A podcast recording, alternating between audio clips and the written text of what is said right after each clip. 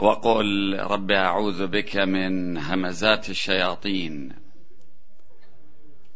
وأعوذ بك رب أن يحضرون. بسم الله الرحمن الرحيم. الحمد لله رب العالمين والصلاة والسلام على خير خلقه أجمعين. محمد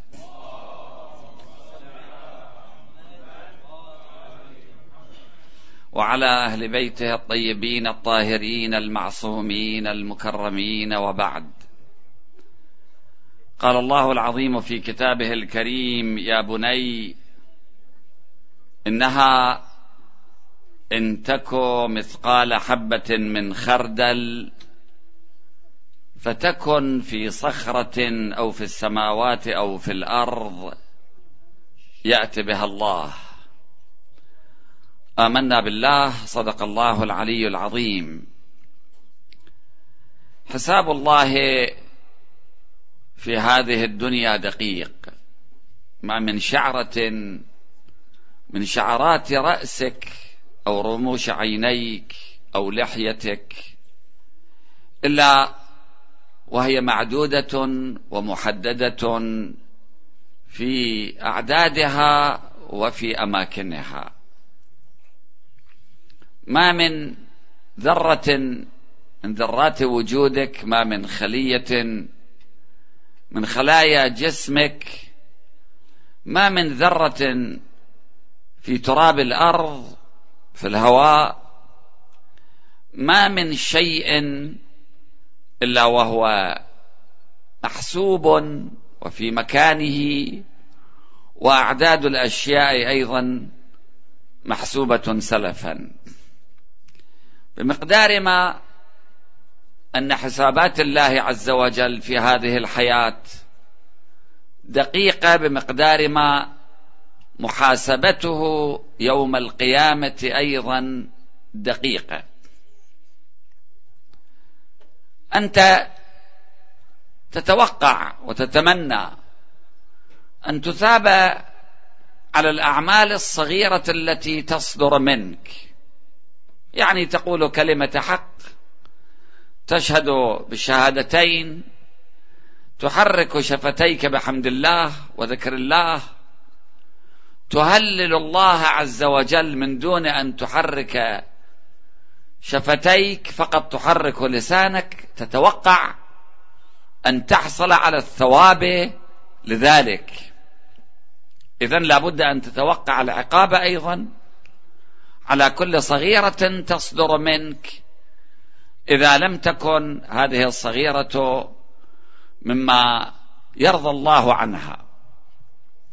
وفي الواقع نحن أحيانا نرتكب الخطايا ونستمر عليها وننسى أنها بمرور الزمن أصبحت أعدادها كبيرة.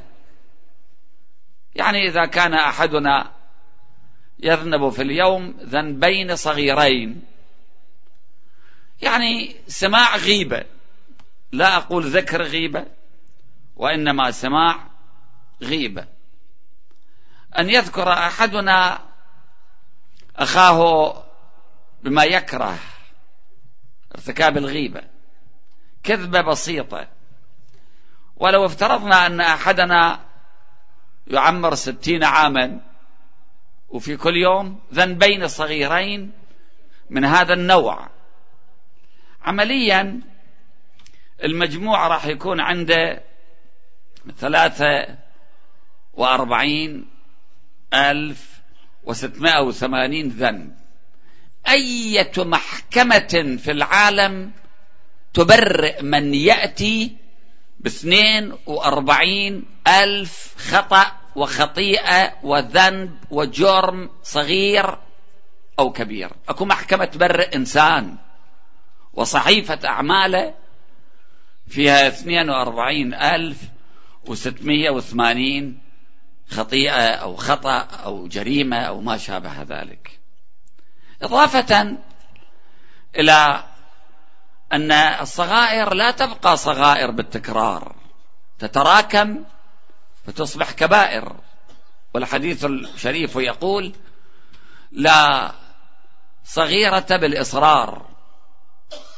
يعني إذا كانت ذنوب صغيرة يرتكبها أحدنا لكن مصر عليها مستمر عليها ما يريد يبطل. هذا في نهاية المطاف راح تكون كبائر مو صغائر.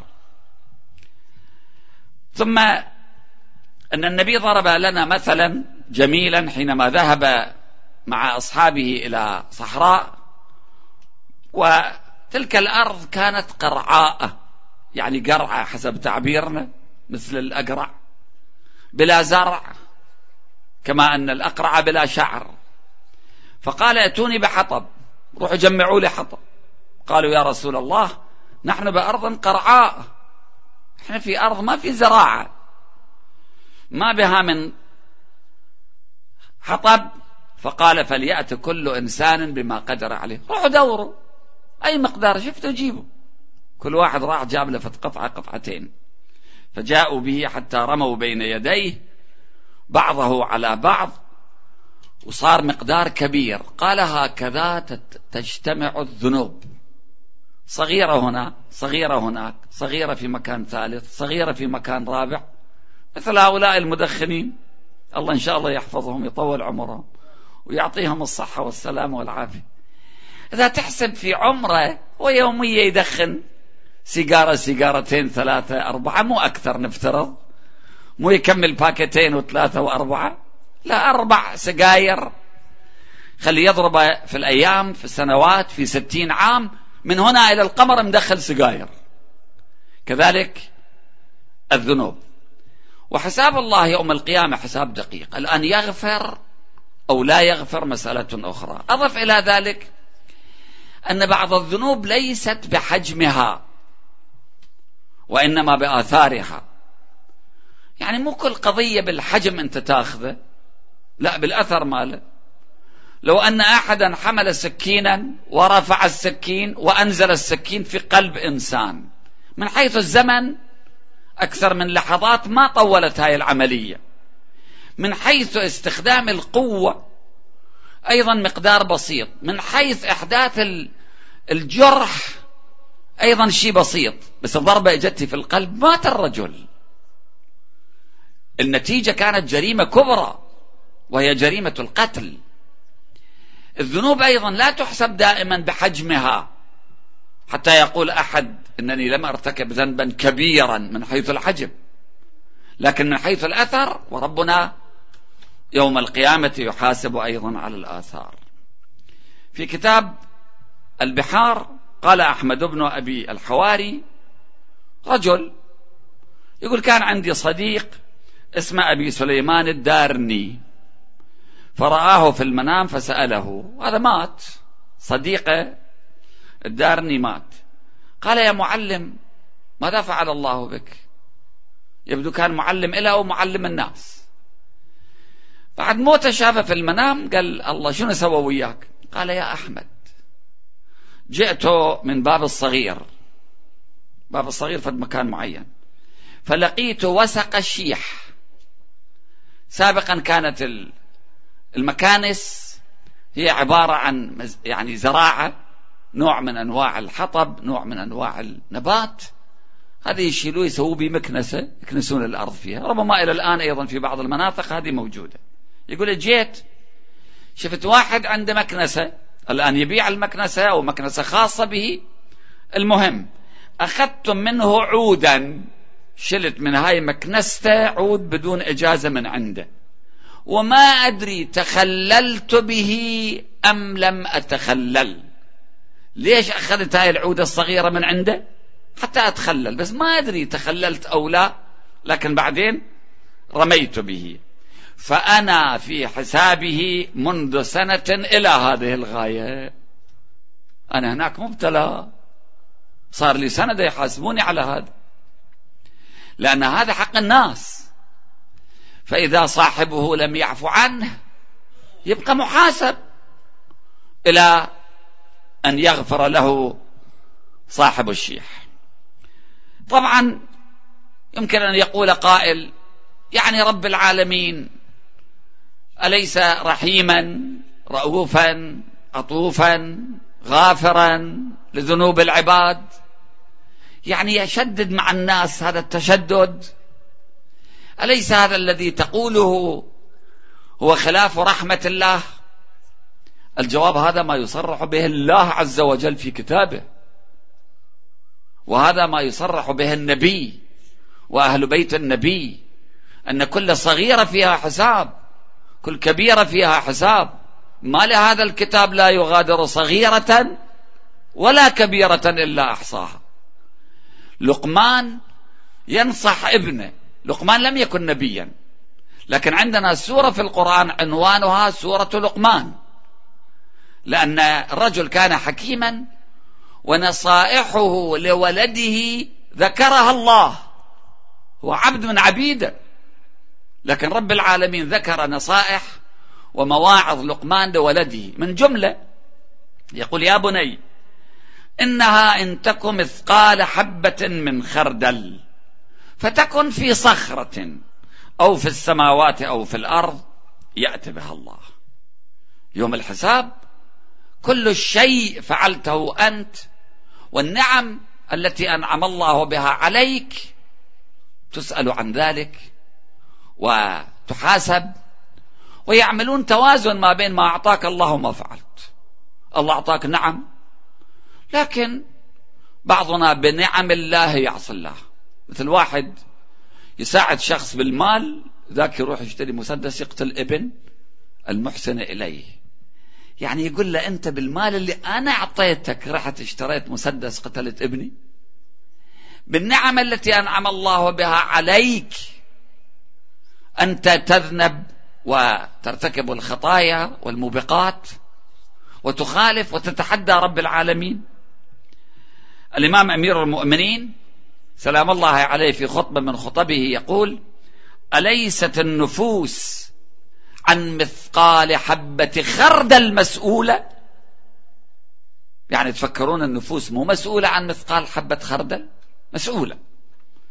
في رسالته إلى محمد بن أبي بكر يقول الإمام سلام الله عليه واعلموا عباد الله عز وجل أن الله سائلكم عن الصغير من عملكم والكبير. وفي رسالته لابن عباس أما تخاف نقاش الحساب؟ قلنا إن النقاش من المناقشة والمناقشة يعني نقش الشوكة يعني إخراج الشوكة البسيطة من اللبن مثلا. يقول له متخاف من نقاش الحساب؟ رب العالمين يدقق وياك ويطلع. كل صغيرة وكبيرة عملته. المهم أن الدقة التفحص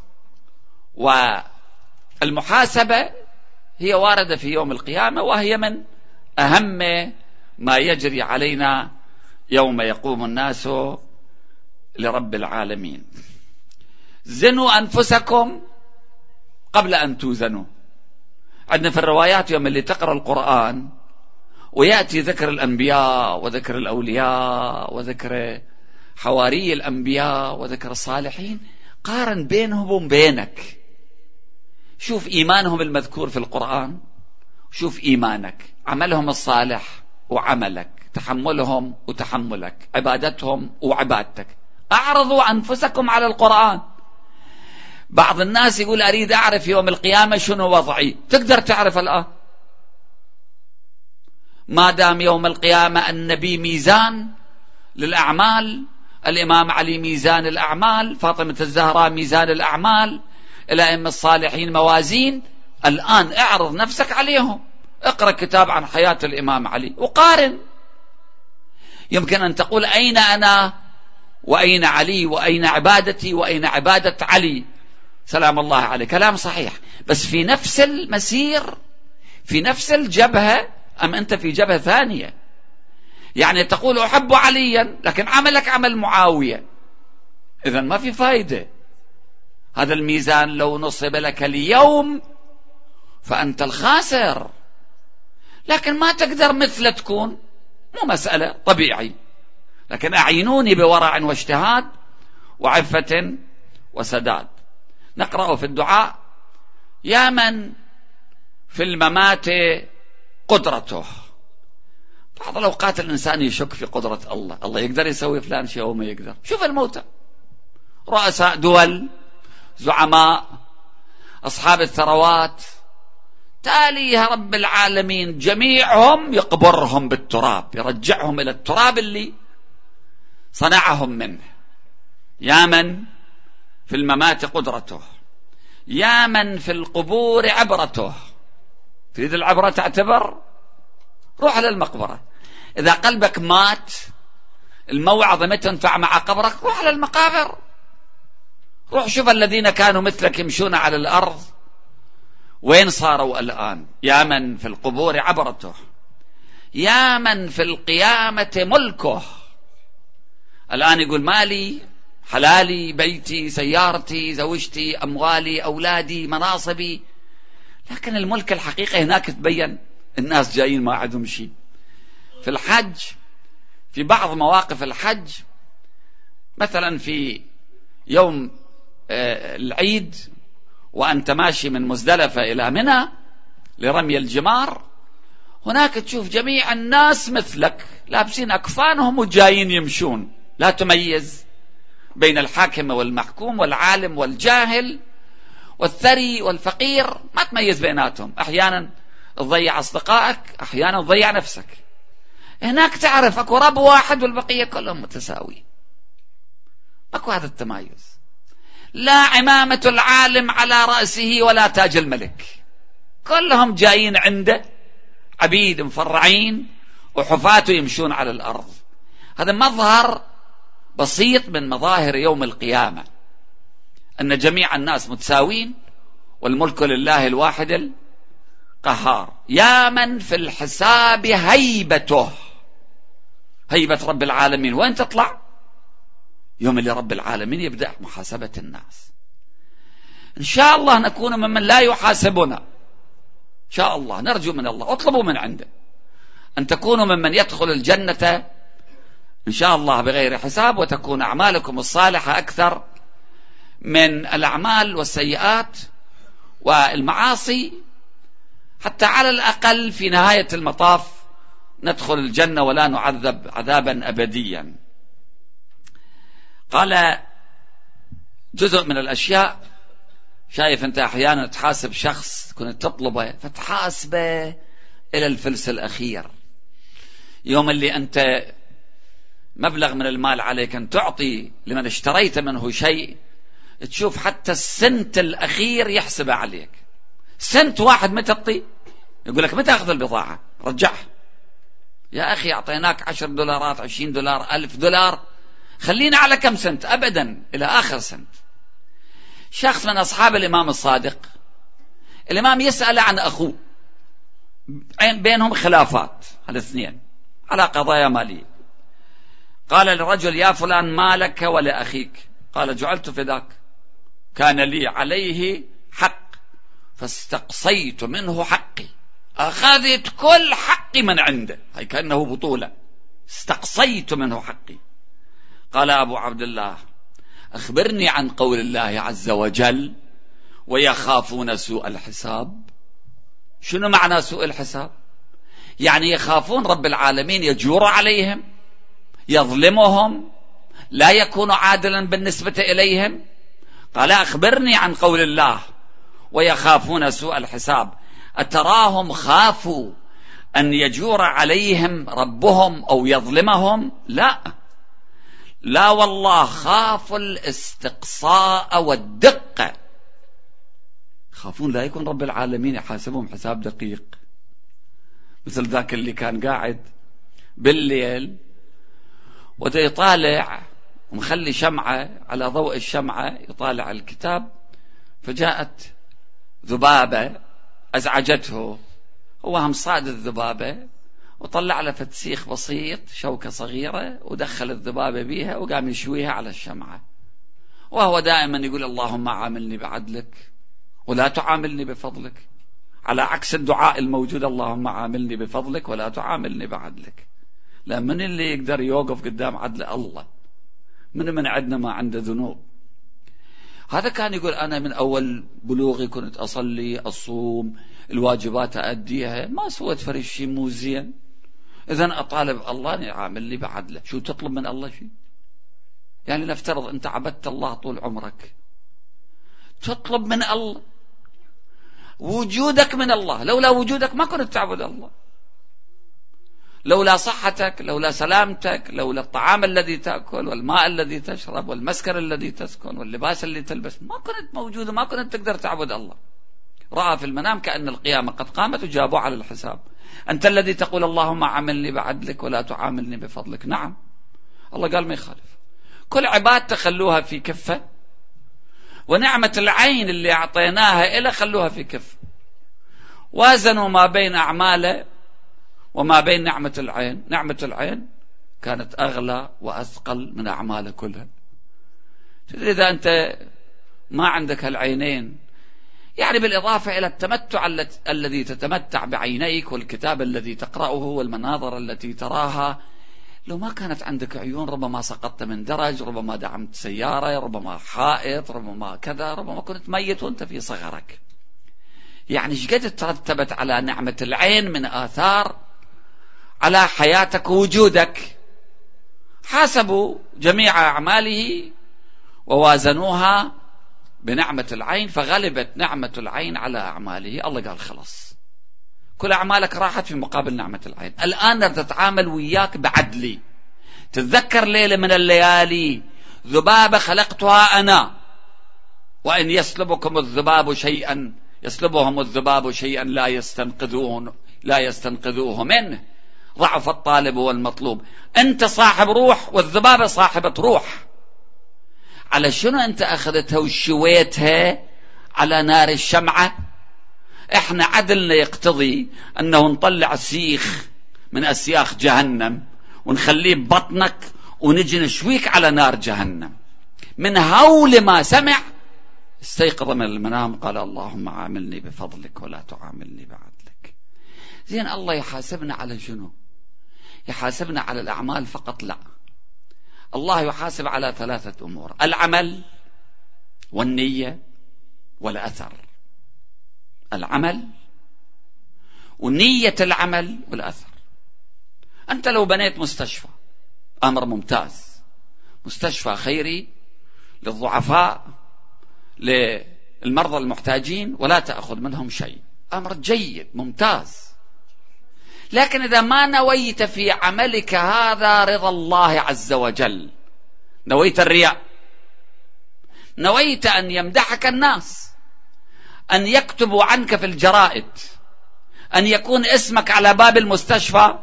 ومن يمر هناك يذكرك. زين أخذت. أخذت ثواب عملك من الناس. شيء اللي سويته من أجل من عملت حصلت عليه. بعد تطلب رب العالمين شيء إذا شخص ما اشتغل الجارك بعدين اجى عليك قال اعطيني ثمن. تقول له أنت لمن اشتغلت؟ يقول اشتغلت الجارك أخذ الثمن من عنده. ثمن أخذته من الناس. مدحوك تكلموا عنك ذكروك بخير دخلت مجلس قاموا إليك أشاروا إليك بالبنان شعرت بالفخر بالخيلاء كيفت حصلت النتيجة. اللي بحثت عنه حصلت عليه بعد تطلب رب العالمين شنو إذا عملك مو لله؟ من عمل لي ولغيري جعلته لغيري. أنا خير شريك. الله يريد العمل خالص. صحيح أن بعض الناس عندهم أعمال سيئة ونيات سيئة. هذا حسابهم مع كرام الكاتبين. بس اللي عمل صحيح لكن نيته فاسدة الله يحاسب على النية. يقول في أرأيت الذي يكذب بالدين فذلك الذي يدعو اليتيم ولا يحض على طعام المسكين.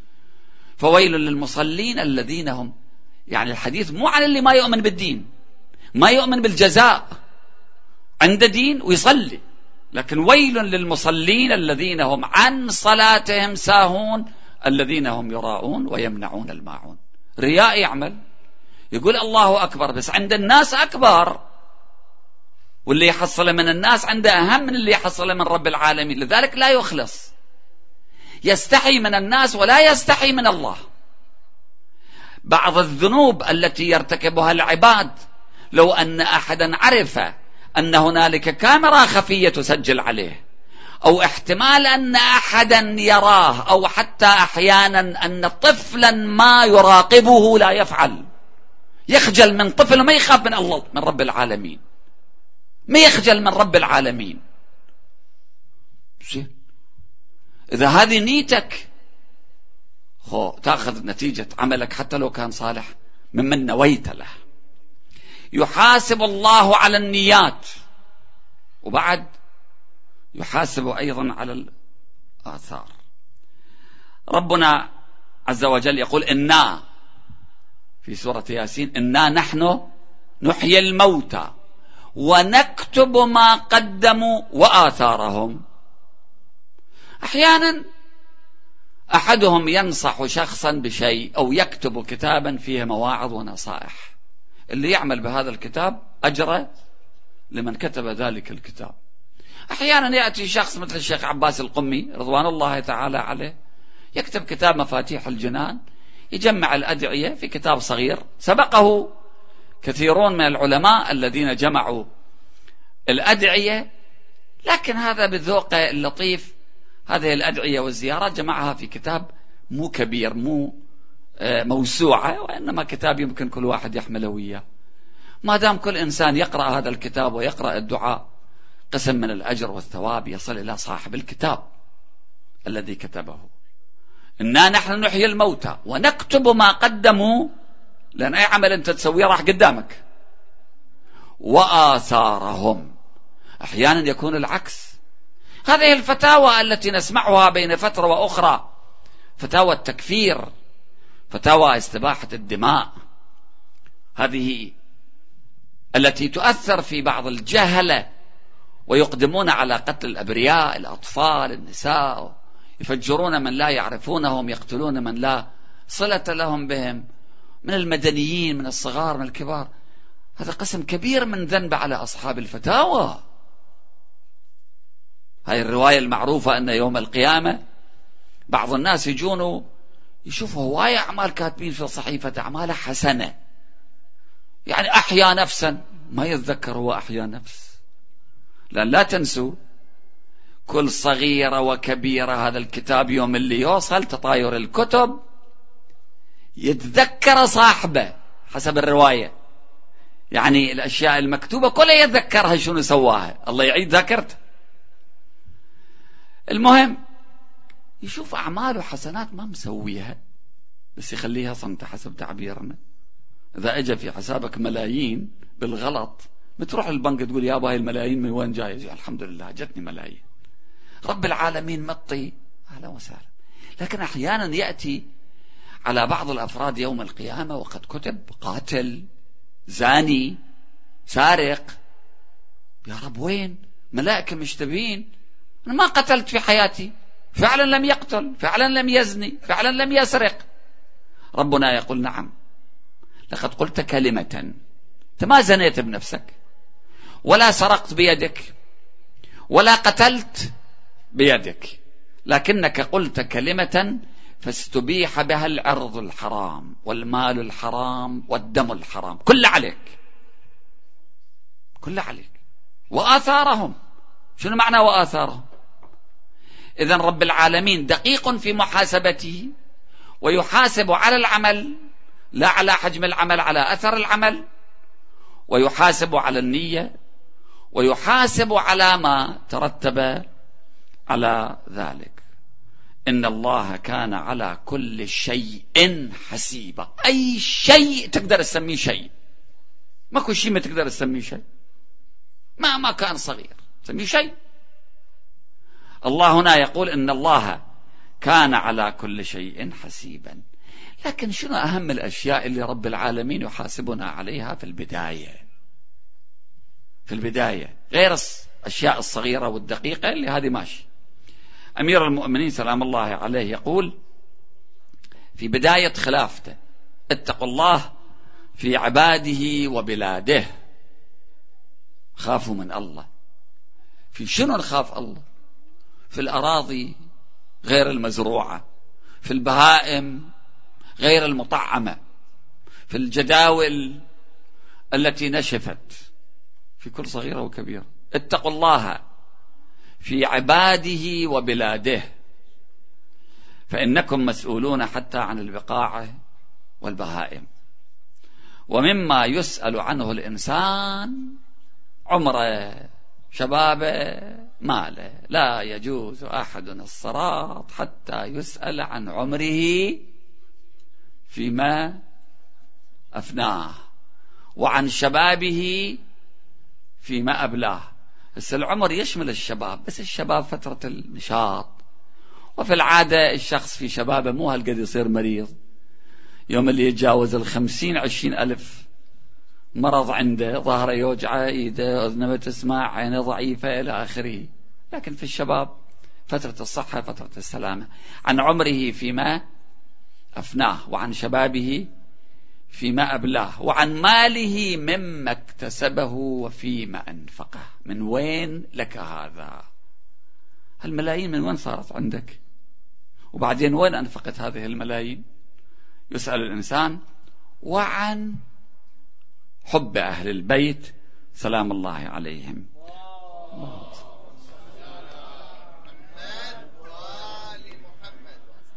هسه إلى سبب معين ليش عن حب أهل البيت وهو في الأولوية. إن شاء الله في وقت آخر نتحدث عن ذلك. يقول النبي صلى الله عليه وآله وسلم لا تزول قدم عبد يوم القيامة. يعني ما يتحرك من مكانه حتى يسأل عن أربع. أربع أشياء يسألون عنه. عن عمره فيما أفناه وشبابه فيما أبلاه وعن ماله من أين كسبه وفيما أنفقه. وعن حبنا أهل البيت. أربعة الأشياء قبل ما تمشي أول خطبة يسألوك. شنو سوى تعال اشرح. واشرح. ورب العالمين هناك ما يمكن واحد يكذب عليه. إن الله لا يخدع عن جنته. أتذكر مرة من المرات تعرضت كغيري من الناس في بلادنا التي يحكمها الطغاة لسؤال المخابرات. جاب لي ورقة وقلم قال اكتب. قلت له شنو اكتب؟ قال اكتب من قبل ولادتك. قلت له أنا ولادتي ما أتذكرها. شلون أكتب لك من قبل ولادتي؟ قال أبوك شلون تعرف على أمك؟ قلت له ما أدري. قال حتما سامع. ما يصير. حتما سمعت. شلون أبوك اجى خطب أمك؟ اكتب من قبل الولادة. الله ما عنده هالشكل. بس من يوم اللي عرفت نفسك وكل الأشياء تتذكرها يوم القيامة وتحاسب عليها. الصلاة أيضا من أوائل ما يسأل الله. لأن ارتباطنا بربنا هو في الصلاة. عندنا ارتباطين ارتباطنا بالقرآن وارتباطنا بالصلاة. من أراد أن يتكلم مع الله فليصلي. فتحكي يا رب العالمين اهدنا الصراط المستقيم. ومن أراد أن يتكلم الله معه فليقرأ القرآن. هذا كتاب الله. أنزله على رسوله ومن أجله تحمل النبي ما تحمل حتى قال ما أوذي نبي بمثل ما أوذيت. وصل إليك. شوف الله شو يقول في هذا الكتاب. هذا الكتاب أيضا مرسل إلك وإلى جميع الناس. تريد تعرف رب العالمين شي يريد من عندك شي يريد يقول لك؟ اقرأ القرآن. الصلاة اللي يقطع الصلاة يقطع الصلاة بينه وبين ربه. كأنه بعد ما عنده شغل يا رب العالمين. ولذلك من أوائل ما يسأل العبد يوم القيامة عن صلاته. الإمام الباقر سلام الله عليه يقول أول ما يحاسب به العبد الصلاة فإن قبلت قبل ما سواها وإن ردت رد ما سواها. إذا قبلوا بقية الأشياء يقبلوها يعني أعمال الصالحة. لكن إذا رفضت الصلاة لم يكن يصلي أو كان يصلي لغير الله يرائي بصلاته بعد الله يحاسب على بقية الأمور شنو؟ أول القضايا كان عنده إشكال كبير وقاطع العلاقة مع ربه. أيضا رب العالمين يحاسبنا على الحواس الخمس. على سمعنا على بصرنا. هاي الحواس اللي عندنا الله يحاسبنا عليها. هذه نعم كبيرة.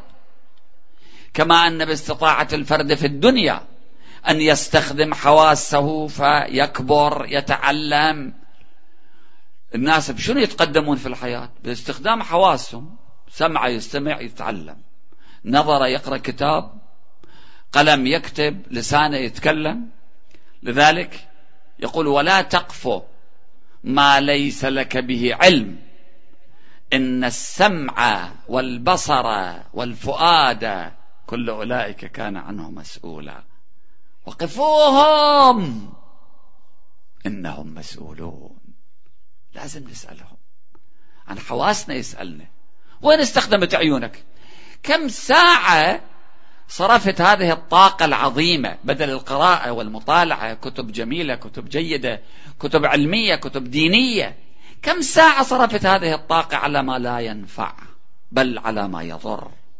كم ساعة صرفت حاسة السمع على ما يضر ولا ينفع. وهكذا بقية الحواس. أيضا الدين ديون الناس أو ديون الله عليك. وديون الله هي ديون الناس. يعني لما نقول دين الله يعني دين الناس. حتى الحقوق الشرعية الخمس الزكاة هذه ديون الناس علينا. وفي أموالهم حق معلوم للسائل والمحروم. وإلا هذا الدين صحيح رب العالمين كأنه يقول اعطوني إلي بس هو خميني يريد العبادة الدين. رواية عن الإمام الباقر وعن الإمام الصادق قال يؤتى يوم القيامة بصاحب الدين يشكو الوحشة فإن كانت له حسنات أخذ منها لصاحب الدين. جاي مستوحش خايف. عنده حسنات أنت كنت مديون في الدنيا تعال رد الدين يأخذون من حسناته يعطون لصاحب الدين. ما عنده حسنات كلها سيئات يزيدوا حسنات. أخذ منها لصاحب الدين. وإن لم تكن له حسنات ألقي عليه من سيئات صاحب الدين. ذنوب ذاك يرموها عليه. الحقوق والمظالم. الحقوق والمظالم مو بالضرورة مالية. اغتبت أحدهم. لازم تستسمح من عنده. ما سمح لك. أنت ضيعت حق من حقوقه مظالم الناس عندك. مكان ما ظلمت أحدا اتهمت أحدا بشيء لم يرتكبه. يقول النبي يوم من الأيام لأصحابه أتدرون ما المفلس؟ من المديونير؟ من اللي بانكراب صاير عندكم؟ أتدرون من المفلس؟ قالوا المفلس فينا من لا درهم له ولا متاع عنده المفلس لا عنده مال ولا عنده أملاك. فقال الرسول كلا المفلس من يأتي يوم القيامة بصلاة وصيام وزكاة. جاي يوم القيامة وعنده صلاة جاي يوم القيامة وعنده في الدنيا زكاة. عنده في الدنيا دفع الحقوق. صلاة صيام زكاة أعمال صالحة كلها مسويها في الدنيا. ويأتي وقد شتم هذا وقذف ذاك وأكل مال هذا وسفك دم هذا وضرب هذا فيعطى هذا من حسناته. ظالم واحد شاتم واحد متهم واحد قاتل واحد. يأخذون من حسناته من صلاته من صيامه من كذا يعطون هذا ويعطون ذاك يعطون ذاك. فإن فنيت حسناته قبل أن يقضى ما عليه أخذ من خطاياهم فطرحت عليه ثم طرح في النار. هذا هو المفلس. هذا المفلس الحقيقي. لأن المفلس في الدنيا الدنيا تنتهي. لكن مفلس يوم القيامة شلون؟ لا ما ينتهي عليه شيء. نحن في الحقيقة كنا نريد الدخول من هذا الباب إلى ما بعد يوم القيامة لكن لا بد من الحديث أيضا عما يزيد من الحسنات. يعني نعرف بالدنيا شنو اللي يزيد الحسنات في الآخرة حتى نسويها من الآن. من الحسنات ذكر رب العالمين وذكر أنبيائه وسيد أنبيائه وأهل بيته. شوفوا يا إخواني كل ده يتذكر شيء أو أشخاص. هذا الشخص اللي مخلي صورة أبوه هذاك اللي مخلي صورة جده الحكومات اللي تخلي صور الرؤساء والدول ودائما يذكروهم بالإذاعة والتلفزيون. هذا من باب التذكر من باب الذكرى يريد يعني يريد يتذكر أبوه يتذكر صاحبه يتذكر أخوه. وبالنسبة إلينا نحن نحب النبي. ليش نحبه أولا لأنه حبيب الله واصطفاء الله وحامل رسالة الله وطبيب النفوس وسيد الخلق. ثانيا لأنه وسيلتنا إلى الله طريقنا إلى الله نبي. عن غير طريق النبي ما نقدر نوصل إلى الله. الله ساد الأبواب. يقول طريقكم إلى التوحيد النبوة. النبوة. لأن التوحيد الذي يريده الله والذي يأتي عبر رسول الله. لذلك نحن نشفع شهادتنا بالتوحيد بشهادتنا بنبوة النبي. أشهد أن لا إله إلا الله وأشهد أن محمدا رسول الله.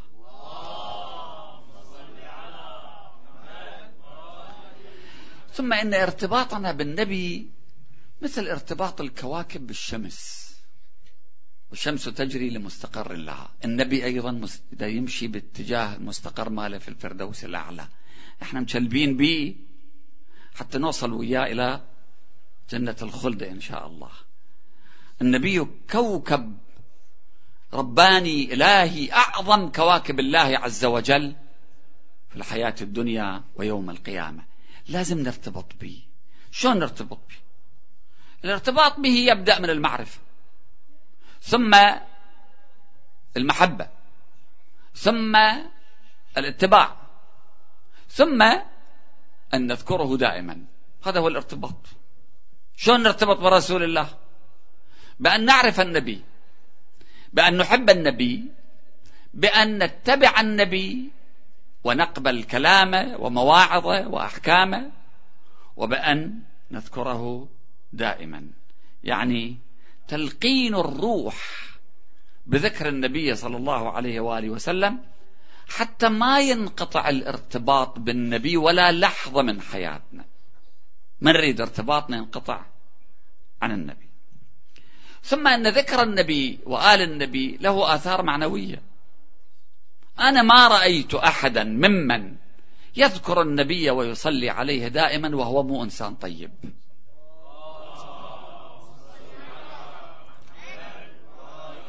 أكو بعض الأشخاص دائم الذكر لرسول الله.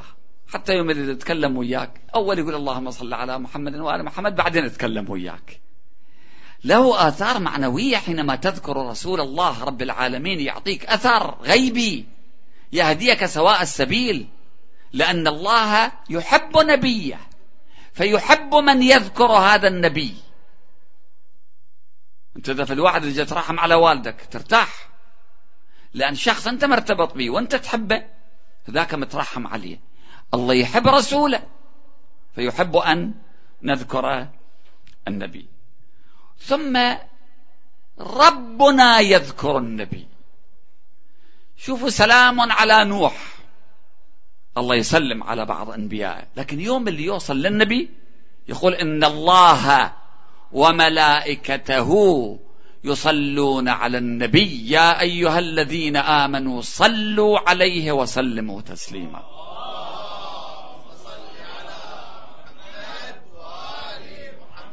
الله يصلي على نبيه. ملائكته يصلون على نبيه. ويأمرنا بالصلاة عليه.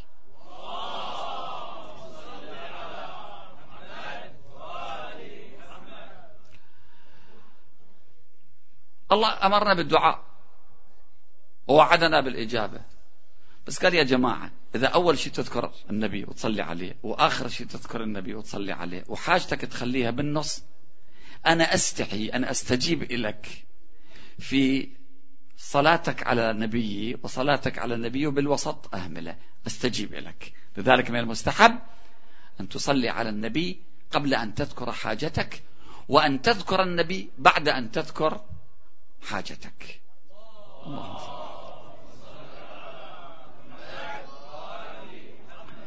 كل الواجبات وكل المستحبات هي أثقال في حسنات أعمالكم يوم القيامة. بس عندنا شيئين أهمهم. أهم ما يثقل ميزان العبد أمران. الصلاة على النبي وحسن الأخلاق.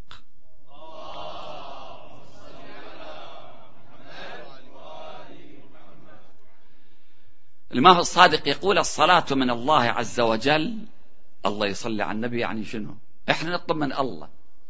الله يطلب من أحد؟ لا.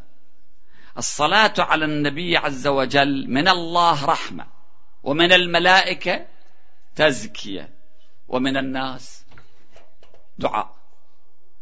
أنت تدعو للنبي رب العالمين يرحم النبي الملائكة يزكون النبي. يقول النبي صلى الله عليه وآله وسلم أنا عند الميزان يوم القيامة. أنا يوم القيامة عند الميزان هو ميزان. فمن ثقلت سيئاته على حسناته جئت بالصلاة عليه حتى أثقل بها حسناته.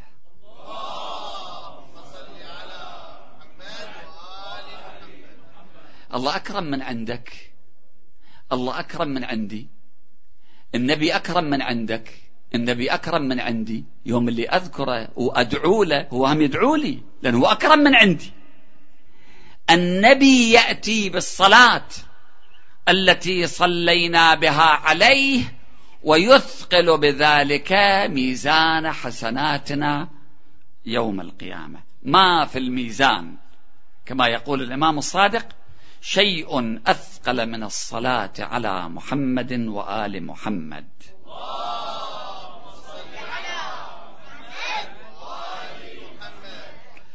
إذا ذكر النبي يقول الإمام الصادق فأكثر الصلاة عليه مو بس تصلي مرة تكثر.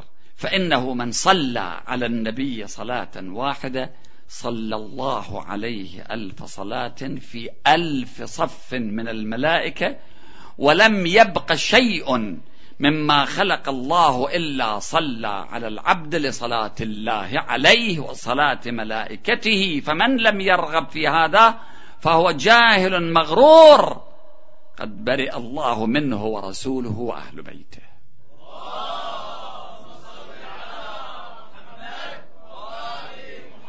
فإذا كنت تريد والوقت قد داهمنا لكن إن شاء الله نكمل الحديث عن الصلاة لأن قضية مهمة. إذا كنت تريد أن تكون حسناتك يوم القيامة أثقل من سيئاتك فأكثر. أكثر من الصلاة على رسول الله. لو أن عبدا صلى في اليوم والليلة مئة مرة على رسول الله فإنه لا أحد من الملائكة قادر على أن تحسب حساب ثواب عمله. الله وحده هو القادر.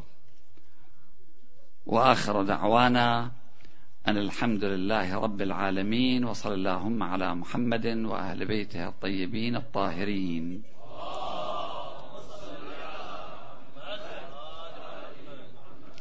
إخواني نرجو منكم قراءة سورة الفاتحة على روح المرحوم الحاج إبراهيم. توبة تسبقها الصلاة على محمد وآل محمد.